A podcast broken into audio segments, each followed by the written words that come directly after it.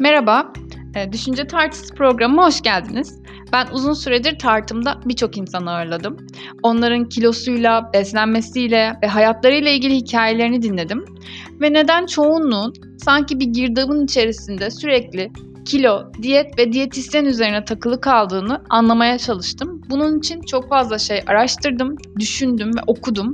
Artık düşündüklerimi paylaşmak için bir alana ihtiyacım vardı ve podcast'imi başlattım.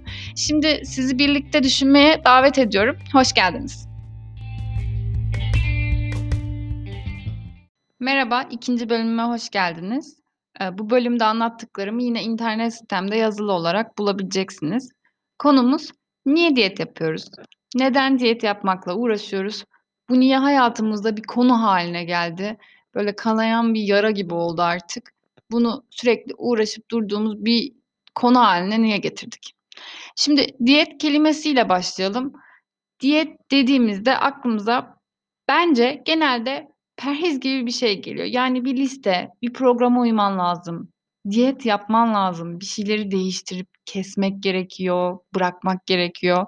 Aklımıza bunlar geliyor ve o kadar fazla kaynak var ki yani internette Atkins diyeti, Dukan diyeti, kitaplar var bir sürü, e, dergiler var, listeler var ya da ben duyuyorum, sohbet eden çoğu kişi birbirine öneriler verebiliyor. Yani ben kabak diyetini denedim, sen bunu denedin mi? Eee, sonucu çok güzel oldu. İşte baharat kullan gibi gibi. Herkesin bir bilgisi var yani beslenme konusunda. Herkesin diyetle ilgili de bir bilgisi var. Ama gerçekler şöyle, ben Dünya Sağlık Örgütü'ne baktım. 1975'ten beri şu ana kadar 3 kat artmış obezite. Ya herkes bir şey biliyor. Bir yere bir yerden bir ucundan tutuyoruz ama niye yani? Sonuç o zaman şöyle olsa daha iyi olmaz mıydı? Şu anda çok düşmüş, herkes daha sağlıklı, daha iyi. Ya bir eksiklik var burada, bir sorun var. Şimdi 4 tane soruyla başlayacağız bunu çözebilmek için. Çözmek değil de anlamak istiyorum. Yani sizin anlamanızı istiyorum bunu. 4 soru benim anamnezimde yer alan, eee, danışanlarıma ilk seansta uzun uzun, yani uzun uzun soruyorum yani bu soruları. Onlardan birkaçı. Kendinize bence bir kâğıt kalem alın ya da, eee, internetten, telefondan dinliyorsanız, işte, emm, bir boş alan açın kendinize yazabilmek için. İlk sorum şu: Bu kanalı açtıysanız bir kere, eee, bence daha önce ya diyet girişiminiz olmuştur ya da yapmak istiyorsunuzdur. Hani, öyle düşünüyorum ya da bilgi almak da istiyor olabilirsiniz ama soruyorum. Neden diyet yapmak istiyorsan neden diyet yapmak istiyorsunuz? Yani diyet yapmanıza sebep olan şey nedir? Cevaplarınızı kendinize söyleyin, aklınızda tutun ya da yazın. 2'nci sorum: En son ne zaman diyet yaptınız? Tarih olarak yazmanıza gerek yok yani, hani, sürekli deniyorum da olabilir, geçen ay da olabilir, geçen hafta da olabilir. 3'üncü sorum: Diyette başarılı olmak için sence neler yapman lazım? Yani bunun başarıya ulaşması için. Ne yapman gerektiğini düşünüyorsun? 4'üncü sorum da kaç kilo vermek istiyorsun? Hedeflediğin şey ne diyetin sonucunda? Neye ulaşacaksın? Şimdi 1'inci sorunun cevabıyla başlayalım. Neden diyet yaptığınızın cevabı çok basit olabilir. Kilo aldım ve vermek istiyorum. Tek amacım bu, isteğim bu. Bu olabilir. Ama buna biraz daha içsel bakın. Şöyle söyleyeyim, kilo alma süreciyle ilgili aşamanız nerede başladı? Yani ergenlikten beri ben kilo sorunu yaşıyorum mu? Ya, ben evlendim, sonra çocuk yaptım, böyle her şey üst üste geldi, çocuklu aldığım kiloları veremedim, kaldı mı? Çalıştığım iş o kadar oturmalı bir iş ki yani bilgisayarın başından kalkmıyorum, en sonunda da kilo aldım mı? Yani birkaç neden var. Kilo almanıza sebep olan böyle bir çentik var orada, bir çapa var. Onu bulun. Ardından 2'nci sorum, en son ne zaman diyet yaptınız? Hiç yapmamış da olabilirsiniz ama hani bena beni bana genelde danışan insanlardan bildiğim için genelde, eee, sürekli diyet yapanlar oluyor ve bir danışanımdan örnek okuyacağım. Şimdi sordum ben en son ne zaman diyet yaptınız diye. Daha önce de çalıştığımız bir danışandı bu. Eee, 2 çocuk doğurduktan sonra benim daha önce çalıştığım yerde benimle birlikte online seanslara başladı. Yaklaşık 25 kilo verdim. Daha sonra bir süre bu kiloyla devam ettim. İşe başladım. Hamilelik döneminden sonra, eee, çalışmıştık. O dönemde izindeydi. İşe başlayınca da düzenim alt üst oldu. Koştur koşur koştur koştur geçiyor günlerim. Stresi yönetemediğim için hırsımı yemekten aldığımı fark ettim. Yeme bozukluğu olduğumu düşünmeye başladım ve 25 kilomun hepsini geri aldım. Ardından Instagram'da birisiyle detoks programına başladım. Ağustos ve haziran, haziran ve ağustos ayları arasında 11 kilo verdim.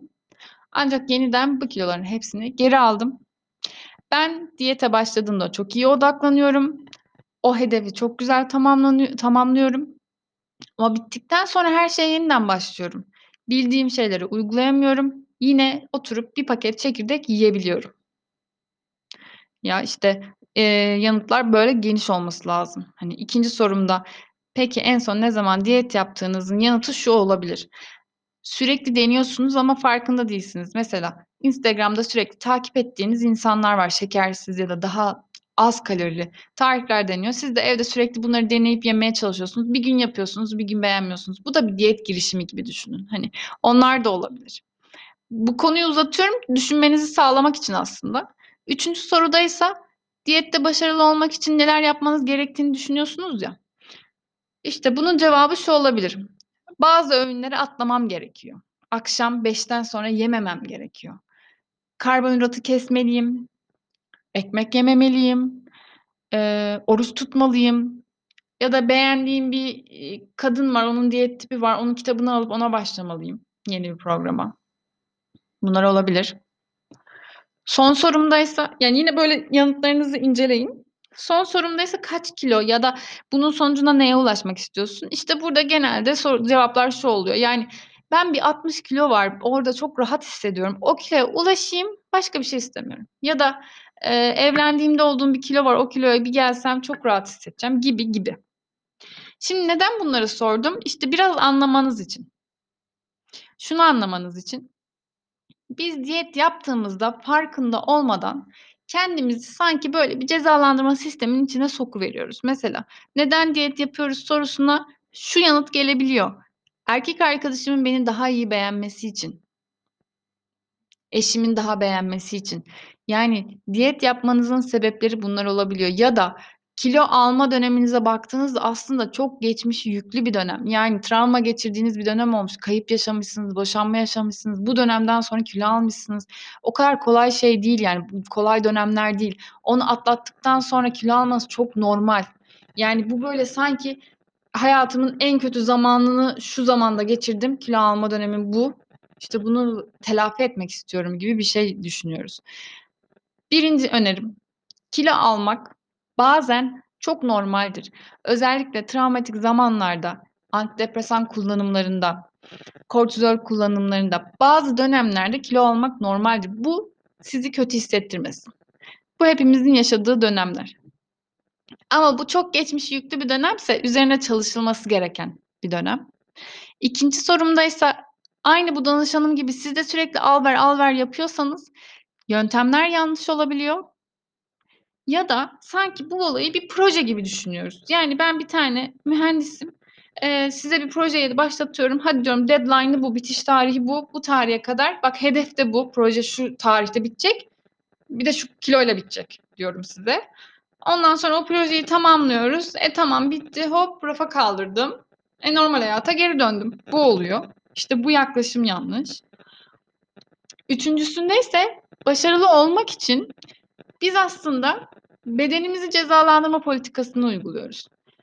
Bir şeyleri kes, şunu kıs, şuraya git, şuna para öde, işte fitness kulübüne yazıl, deli gibi, eee, terle, yorul, terledikçe daha fazla kalori, daha fazla kilo vereceksin.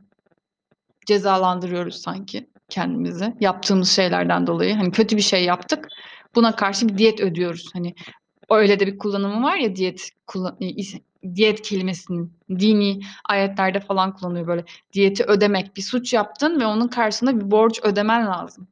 Bir şeyleri kesmen lazım. Bir yere para ödeyip yazılman lazım yani. 4'üncüsünde ise hedef olarak kendimize rakam, yani bu rakamı tutturuyoruz kafamızda. Ay o benim mutluluğum, o oraya gelirsem çok iyi hissedeceğim. Olabilir. Bakın ben hani danışanlarımı da çok iyi anlıyorum. Kendimde de bunu çok iyi görüyorum. Bazı kilolar gerçekten insana iyi hissettirir. Ama gerçekçi hedefler kurmak gerekiyor. Birden 20-25 kilo vermek istiyoruz. Bunu mantığınıza oturtamazsınız. Çünkü çok uzun bir hedef. Yani bir yerde motivasyonunuz kırılır, dikene takılırsınız ve bırakırsınız orada yarışı. Çünkü yarış gibi oluyor yani o 25K koşacağım gibi bir şey oluyor. Daha mantıklı, daha gerçekçi hedefler koymak lazım. Şimdi gelelim niye diyet yapıyoruz işte konusuna. Birincisi şunu tavsiye edeceğim. Kilo ile ilgili düşünceler gerçekten dış çevreden çok etkileniyor. Medyadan çok etkileniyor. Kilo almış olmanız sizin başarısız, yetersiz birisi olduğunuzu göstermiyor. Bu kesin. Sizin kilo almanız sağlığınızı değiştirebilir. Sağlığınız için kilo vermek isteyip hayatınızda bakış açınızı, beslenmeye olan ilginizi arttırmak, mutfağınızı daha renkli, daha canlı bir yer yapmak, daha farklı yiyecekler yiyebilmek ya da çocuğunuz varsa çocuğunuza örnek birisi olmak, onun da beslenmesini bu konuda desteklemek için daha iyi beslenin, diyet yapmayın. Ona örnek olmak için ben diyetteyim, yemeyeyim demeyin. Yani ona örnek derken çocuktan bahsediyorum. Onu söylemek yerine gerçekten bunu şu anda yemek istemiyorum. Özel bir anda, akşam baban geldiğinde birlikte yediğimiz bir anda ya da seninle parka gittiğimiz bir yerde yiyebilirim demek çok daha mantıklı bir cevaptır. Çocuk bu sefer şunu algılıyor mesela. Diyetteyim yemiyorum. Ha diyet diye bir şey var. O zamanlarda demek ki şunlar yenilmiyor falan. Yani böyle mantığı olmuyor bu olayın. Anlatabiliyor muyum bilmiyorum. Ee, ikincisi